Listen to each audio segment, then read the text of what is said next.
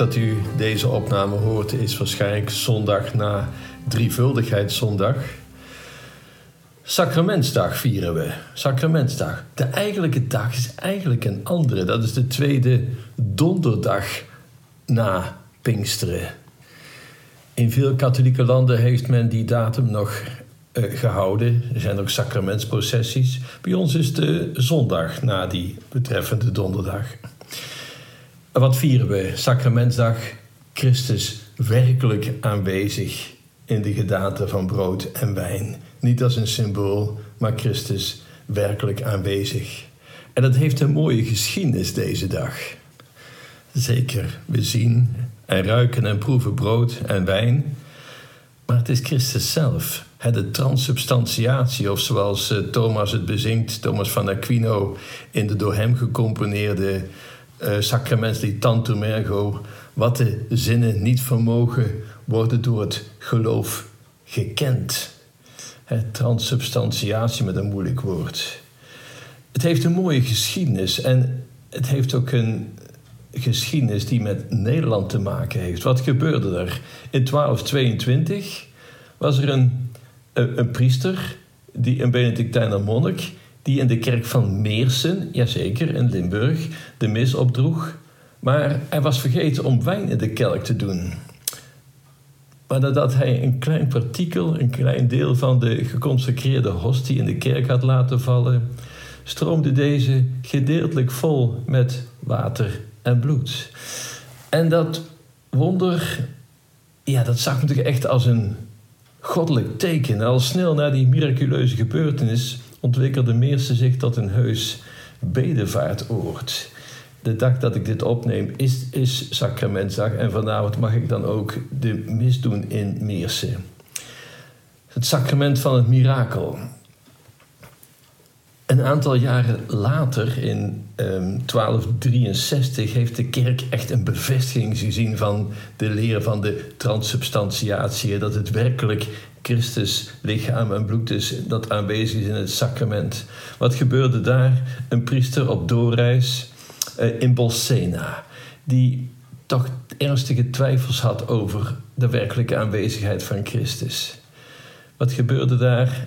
Toen hij de hostie geconsecreerd had en omhoog hief, stroomde daaruit bloed. En dat viel op het kelkdoekje. En hij schrok en hij spoedde zich na de mis met het doekje naar Orvieto. Dat is daar niet ver vandaan. Uh, en daar verbleef Paus Urbanus, Paus Urbanus IV. En deze rechtgelovige paus zag in het mirakel onmiddellijk een teken van God zelf. Het doekje wordt dan nog altijd bewaard in Orvieto. is een prachtige kathedraal omheen gebouwd. En in uh, Bolsena wordt het mirakel ieder jaar op Sacramentsdag met uh, bloemtapijten en een processie nog luisterrijk herdacht. Een jaar na het uh, mirakel in Bolsena heeft paus Urbanus IV Sacramentsdag verheven tot een verplichte feestdag. Overigens op verzoek van de bisschop van Luik, van België dus. Maar um, Limburg viel daar toen ook onder, Meersen dus ook. Dus het heeft echt een uh, mooie historie met ook uh, duidelijk Nederlandse accenten. Het officie dat werd onder andere aangepast door Thomas van Aquino, hè, de, de grote heilige met het grote verstand. Van hem, zoals gezegd, kennen we ook het prachtige Tantum Ergo, de sacramentshymne. Sacramentsdag, echt, het is echt nodig om daar aandacht aan te besteden. Waarom? Heel veel, ja, ook katholieken zien de communie, zien lichaam, zien de, de hostie als een symbool. een symbool, wat is een symbool? Een symbool dat verwijst naar een realiteit. Dat, dat is niet de realiteit zelf. Als je ergens uh, een parade ziet met allerlei vlaggen en u ziet er iemand lopen met een rood-wit-blauwe blauwe vlag, dan weet hij, ah, Nederland is ook aanwezig. Die vlag is natuurlijk niet Nederland, nee, dat is een symbool, die lapstof, die verwijst naar Nederland. Hoe zit het nou met de communie? Is dat een symbool? Sommigen zeggen een symbool van vrede of een symbool van Christus aanwezigheid. Laat ik het nadrukkelijk zeggen: nee, nee, nee. Het is geen symbool, het is realiteit.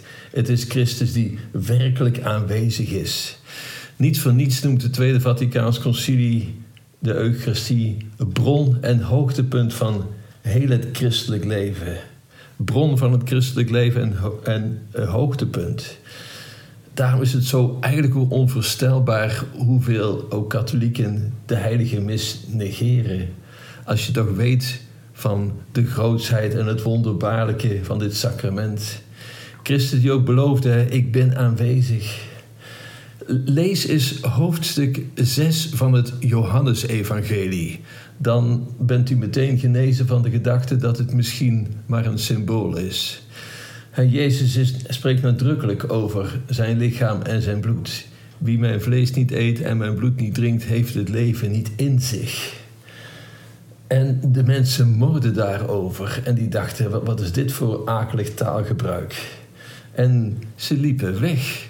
Als het een symbool was, dan had Jezus kunnen zeggen: Ja, ik bedoel het natuurlijk niet letterlijk. Nee, hij deed er nog een schepje bovenop. En hij maakte het echt duidelijk op het laatste avondmaal.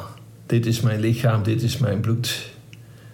En al eerder, wie dit brood niet eet, mijn lichaam, mijn bloed, die heeft het leven niet in zich. Het is zulke duidelijke taal, je kunt het niet misverstaan.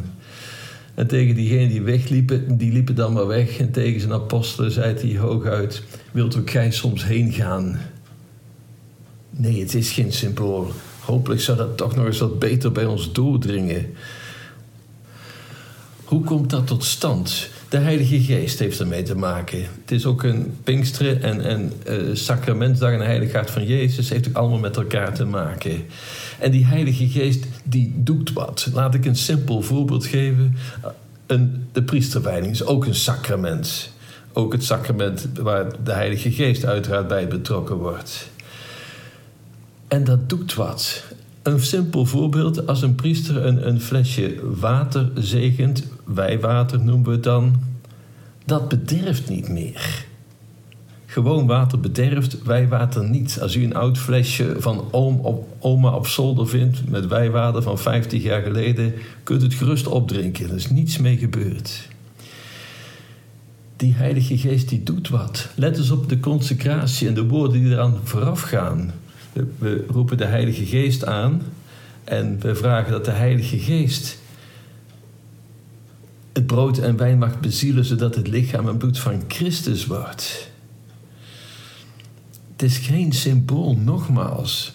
Laat ik een voorbeeld geven wat ik zelf heb meegemaakt. Eigenlijk ook een soort eucharistisch wonder, of beter gezegd helemaal. In een, in een oud kantoorpandje in Den het kantoor van Kerk in Nood. U kent wel Oostpriesterhulp van Pater Werenfried. Um, bestuursvergaderingen beginnen we altijd op zolder met een, uh, met een mis, op een eenvoudig zoldertje. En na de mis gaan we beneden vergaderen. We waren aan het vergaderen en we hoorden allemaal gestommel boven. De eerste gedachte is een, een, inbreker of wat dan ook. Nee, dat was het niet. Er was brand ontstaan. Oude bedrading, heel oud pand. Uh, en dan uh, het stof tussen het plafond en het dak. Er is natuurlijk veel stof verzameld in, in honderd zoveel jaar. Dat vloog in brand. Um, er kwamen wat balken naar beneden. Brandweer was er snel bij. De schade viel mee. Het was eigenlijk vooral overal gitzwart. Heel die kapel, alles was gitzwart. Zo zwart als mijn schoenen. Op één ding na. Op één ding na. Daar staat daar een zuiltje. En op dat zuiltje staat het tabernakel. En daarin zitten geconsecreerde hosties. In een mooie kring rond dat zuiltje. Binnen die kring was alles totaal onaangetast. Blanco. Terwijl de rest zo, zwart was als, als, als, als roet. Daar waar Christus is, daar is geen bederf. Of het nou om wijwater gaat. Of denk aan Mozes met de brandende braamstruik waar God aanwezig is. Hij brandde, maar verteerde niet. En ook deze hostie denkt trouwens ook aan het mirakel van Amsterdam. Iemand die ziek was en de hostie uitspuwde in het vuur gooide, die bleef boven het vuur zweven. Christus heeft beloofd met ons te zijn tot het einde van de tijden. En hij is het dichtst nabij in de Eucharistie. Laten we er dankbaar voor zijn. Laten we die dank uiten door op die uitnodiging van Christus in te gaan. Laten ons geloof versterken en daardoor meteen de hoop en de liefde. Sacramentsdag, houd het in ere. Jezus, u blijft niet op afstand staan.